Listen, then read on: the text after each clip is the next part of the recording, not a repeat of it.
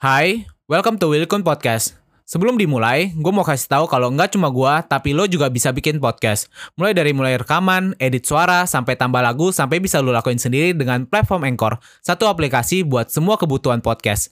Bisa di-download dari App Store dan Play Store, atau bisa juga diakses dari website www.anchor.fm.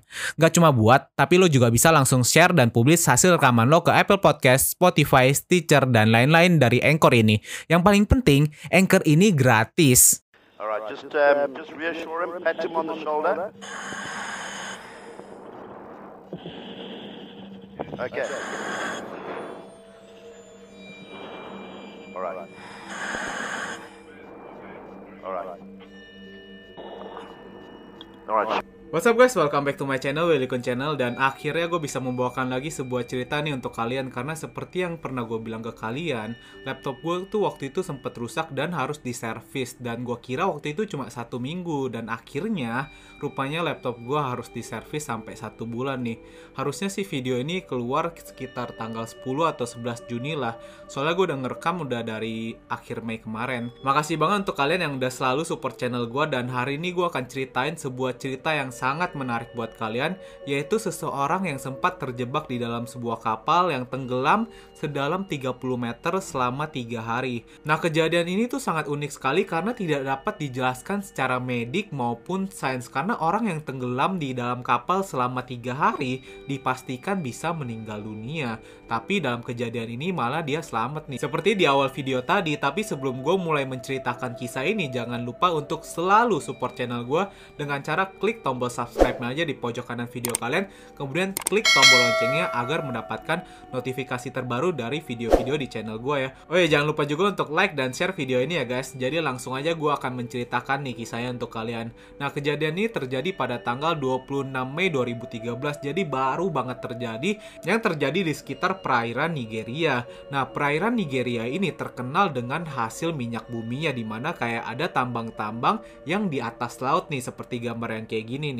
Pada hari itu dikabarkan ada tiga kapal tunda di sekitar perairan Nigeria yang digunakan untuk mengangkut hasil-hasil minyak bumi ini nih. Memang kapal tunda itu seperti ini nih, kapal kecil yang digunakan untuk menarik kapal besar atau kapal tongkang yang berisikan hasil minyak bumi. Tapi sayangnya dikabarkan pada hari itu cuaca tuh bener-bener nggak mendukung banget di mana terjadi hujan yang sangat besar dan keadaan ombak yang tinggi banget jadi menghempas-hempas kapal tunda ini. Nah, kalau ombak yang besar itu bisa dihadapi oleh kapal-kapal tongkang yang besar, berbeda cerita dengan kapal tunda yang kita ketahui, kapal ini jauh lebih kecil. Jadi dikabarkan di subuh pada tanggal 26 Mei 2013, tepatnya jam 5 subuh, terjadi satu ombak yang sangat besar dan menghempaskan salah satu dari ketiga kapal tunda itu. Jadi ada satu kapal tunda yang termakan oleh ombak sehingga harus terbalik nih. Dan disayangkannya lagi, ada sebuah protokol di dalam sebuah kapal tunda di perairan itu, di mana kalau awak kapalnya atau ABK sedang tidur, mereka harus mengunci kamarnya dari dalam kamar. Karena di perairan itu dikabarkan sering terjadi perampokan atau perompakan oleh bajak laut. Nah, kebijakan inilah yang diduga menjadi salah satu hal besar yang memperlambat evakuasi di dalam kapal. Tapi beruntungnya, dari 12 ABK kapal tersebut, ada salah satu dari mereka yang bekerja sebagai koki di dalam kapal tersebut yang bernama Harrison Okane. Tiba-tiba di subuh itu dia ngerasa kayak perutnya nih sakit, jadi dia pengen ke toilet. Jadi dia keluar dari kamarnya dan pergi ke toilet saat kejadian itu terjadi. Nah, di dalam toilet ini tiba-tiba dia merasakan kayak ada goncangan besar dan dia kayak ngerasa tuh kapalnya tuh terbalik. Jadi pas saat itu juga dia langsung melihat ada air yang masuk ke dalam kapal dengan jumlah yang sangat banyak sehingga dia nggak bisa melakukan evakuasi keluar kapal nih. Dia terjebak di toilet itu dan dia menggambarkan kejadian pada saat itu benar-benar kayak air tuh benar-benar menerobos pintu dan pintu toiletnya ini nggak bisa ditutup dan dia juga nggak bisa keluar toilet karena tekanan air dari luar menekan pintunya dan menahan dia di dalam toilet ini nih. Bahkan di dalam toilet itu dia sempat melihat tiga kru dari kapal itu berusaha untuk pergi ke area evakuasi. Tapi di saat itu juga dia bersyukur karena tiga teman yang barusan dia lihat pergi ke area evakuasi terhempas ke laut bebas karena memang keadaan di saat itu tuh bener-bener nggak bersahabat.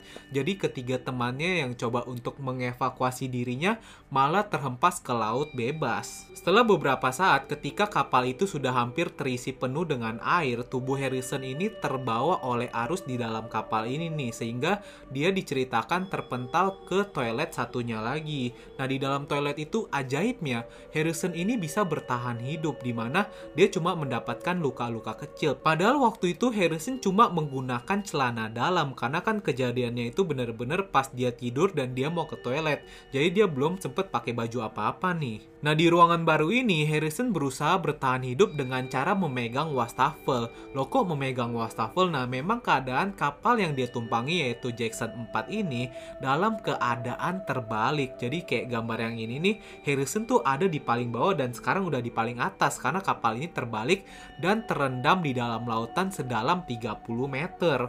Harrison juga menceritakan keadaan pada waktu itu ketinggian air sudah setinggi 2 meter di dalam kapal dan dia benar-benar nggak bisa ngelihat apa-apa soalnya waktu itu lampu udah pada mati dia cuma bisa mendengar suara yang mengerikan dari suara kapal yang tergesek oleh lautan jadi benar-benar keadaannya tuh sangat mengerikan guys. Setelah kejadian itu, sebenarnya upaya evakuasi sudah sempat dilakukan. Nah, kebetulan ketika evakuasi itu, letak kapal yang tenggelam ini sudah diketahui dengan cara ditandai oleh jangkar kapal. Nah, ketika jangkar kapal itu diturunkan, kebetulan menabrak lambung kapal nih. Jadi ada suara besar di dalam bung gitu. Dan Harrison tuh mendengar suara kenceng ini nih dari tabrakan jangkar itu dan dia memukul dari dalam kapal. Tapi sayangnya siapa yang bisa mendengar orang yang memukul dari bawah laut? Laut dan sedalam 30 meter lagi. Wah, nggak bakal bisa banget orang mendengar suara itu kan.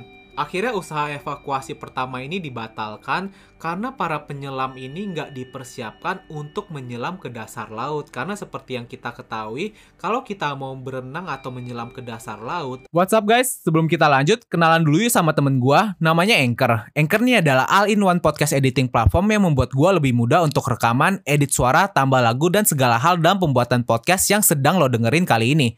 Anchor juga bisa jadi temen lo juga loh. Cara tinggal download dari App Store atau Play Store, atau juga bisa diakses di www.anchor.fm. Jadi download Anchor sekarang ya. Ada latihan khusus untuk para penyelam agar bisa menyesuaikan diri dengan tekanan di dasar laut karena seperti yang kalian harus ketahui, di bawah dasar laut itu tekanannya sangat berbeda. Ditambah lagi kondisi yang sangat membingungkan di mana tim evakuasi nggak percaya kalau masih ada kru yang selamat dari kejadian ini nih. Jadi daripada mengambil resiko untuk menyelam ke dasar laut, jadinya evakuasi pertama ya dibatalkan. Sedangkan keadaan Harrison yang selamat dari kejadian itu nggak berbeda jauh. Dia benar-benar udah putus asa dan merasa ketakutan sekali ya siapa yang nggak takut gitu. Dia terjebak di sebuah kapal di dasar laut sedalam 30 meter. Jadi udah wajar banget dia takut dan dia mengambil keputusan pada saat itu untuk berenang ke ruangan lain. Nah ketika dia berenang ini ajaibnya lagi karena benar-benar keadaan itu udah gelap banget. Dia berhasil masuk ke satu ruangan di mana ruangan itu masih nggak nggak terendam dengan air yang cukup banyak nih. Bahkan sisa ruangan di dalam ruangan itu yang tidak terendam oleh air setinggi 1,2 meter. Jadi bisa dibayangkan di ruangan itu pasti masih sisa oksigennya nih banyak.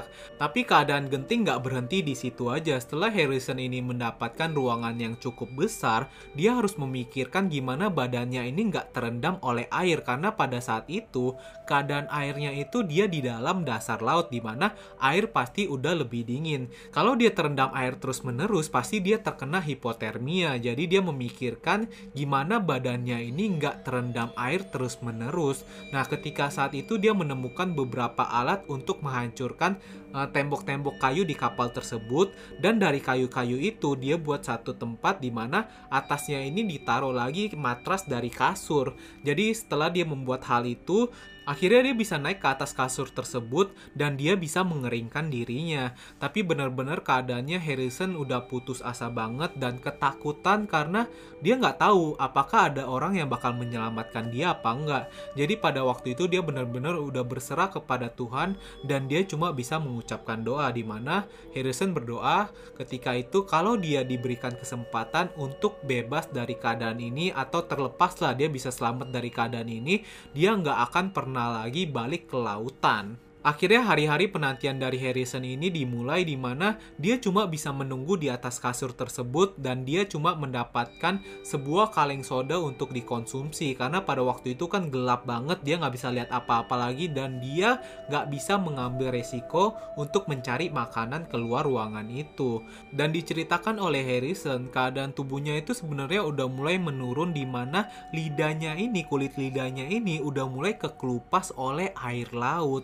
Dan ketika itu juga dia bisa mencium bau busuk dari dalam kapal yang dia perkirakan adalah bau dari teman-temannya yang udah meninggal. Ditambah lagi yang paling mengerikan, Harrison bisa mendengar suara ikan yang kayak bunyi cap cap cap cap kayak lagi makan yang rupanya lagi memakan temennya yang udah meninggal. Ih, asli. Kalian tuh di dalam kapal terus mendengar hal-hal itu udah pasti stres banget, ketakutan. Itu benar-benar yang digambarkan oleh Harrison pada waktu itu. Tapi akhirnya di hari kedua setelah kapal Jackson 4 ini tenggelam, tim evakuasi yang lebih besar diturunkan yang terdiri dari enam penyelam yang dibagi menjadi dua shift, kemudian dipandu oleh seorang pemandu menggunakan kamera dari salah satu penyelam di badannya ini. Karena keadaannya pada waktu itu di dasar laut perairan tersebut bener-bener keadaannya tuh udah gelap gulita banget dan dipenuhi oleh lumpur. Jadi harus pakai kamera untuk melihat keadaan sekitar nih. Dan sebenarnya tujuan awal dari evakuasi ini benar-benar bukan untuk menyelamatkan orang, malah untuk mengangkat jasad-jasad di dalam kapal tersebut. Karena mereka pikir, ah ini udah dua hari nggak mungkin lah ada yang selamat dari kejadian ini. Dan akhirnya penyelaman pun dimulai, di mana mereka menghabiskan satu jam untuk membobol kapal yang terkunci. Nah, keadaan di dalam kapal seperti video yang bisa kalian lihat, bener-bener tuh keadaannya udah gelap banget, dipenuhi oleh lumpur dan perabotan-perabotan dari kapal yang udah berantakan banget. Dan akhirnya tim evakuasi ini menemukan beberapa jasad di dalam kapal tersebut. Dan ketika evakuasi pertama ini mau diselesaikan, mereka mau naik ke atas kapal dengan ajaibnya, tiba-tiba ada sebuah tangan yang memegang salah satu penyelam dan ketika kamera ini menyorot ke tangan tersebut, tangan itu tuh bergerak dan rupanya tangan ini adalah tangan Harrison. Nah setelah melihat kejadian ini mereka langsung bilang it's alive, alive. Dan setelah melihat kejadian ini, akhirnya para penyelam langsung mengikuti Harrison. Nah, di ruangan ini, Harrison menceritakan sebenarnya dia udah melihat ada lampu di luar ruangan nih. Tapi para penyelam nggak masuk ke dalam ruangan dia. Akhirnya dia memberanikan diri untuk menyelam dan memegang salah satu penyelam. Nah, setelah melihat Harrison ini, para penyelam benar-benar nggak percaya dengan apa yang mereka lihat karena ada tiga hal yang nggak bisa dijelaskan pada kondisi waktu itu nih. Yang pertama, seharusnya manusia biasa itu nggak bisa bertahan hidup di dasar laut yang sedalam 30 meter lebih dari 20 menit. Jadi kalau udah mau mendekati 20 menit, mereka harus balik ke permukaan air. Karena tekanan di dasar laut ini nggak bisa dilawan lebih dari 20 menit pokoknya. Kemudian yang kedua, seharusnya oksigen di dalam ruangan Harrison ini cuma bisa bertahan selama dua hari. Tapi ketika ditemukan, Harrison ini udah di dalam laut selama 60 jam. Jadi udah melewati batas oksigen yang ada di dalam kapal tersebut atau di ruangan Harrison ini nih. Dan yang ketiga seharusnya Harrison ini udah keracunan oleh CO2.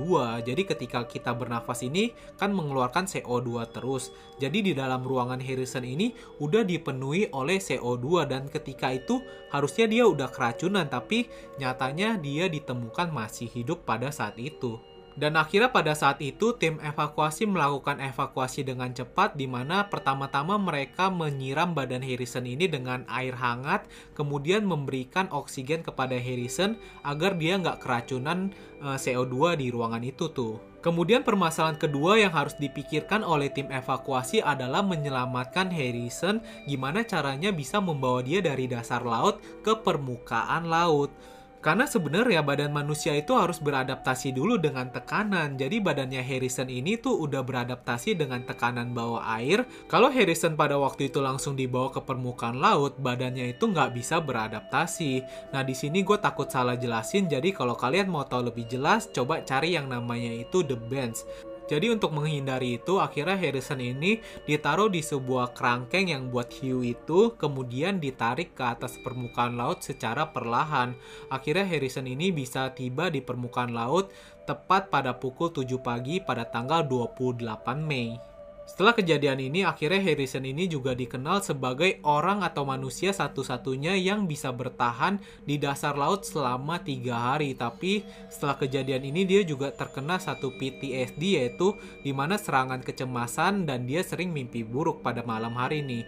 Jadi di mimpinya itu dia kayak wah dia masih di dalam kapal tapi sebenarnya enggak. Jadi setiap hari dia merasa cemas.